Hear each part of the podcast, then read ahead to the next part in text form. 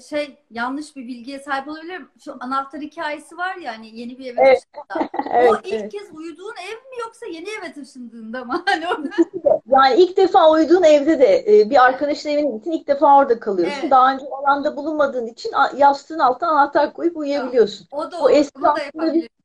Evet, bu eski aslında bir şaman geleneği. Hıdrales'te bahsetmiştim mesela. Hıdrales'te de şeker koyup yatıyorlar. İşte aile ilgili gelenekler var. Dolunay ve yeni ayda gelenekler var. Yani bu bilgi bizde var. O zaman biz birbirimizi rüyamızda görüp e, hatta ortak rüyaya da yatabiliyoruz. Zaten benim çalışma alanlarımdan bir tanesi bu. O zaman demek ki rüyada bir alışverişe geçiyoruz. E, Doğu bilgisinde diyor ki işte her e, hani uyku ruhun kovuğuna çekilmesidir.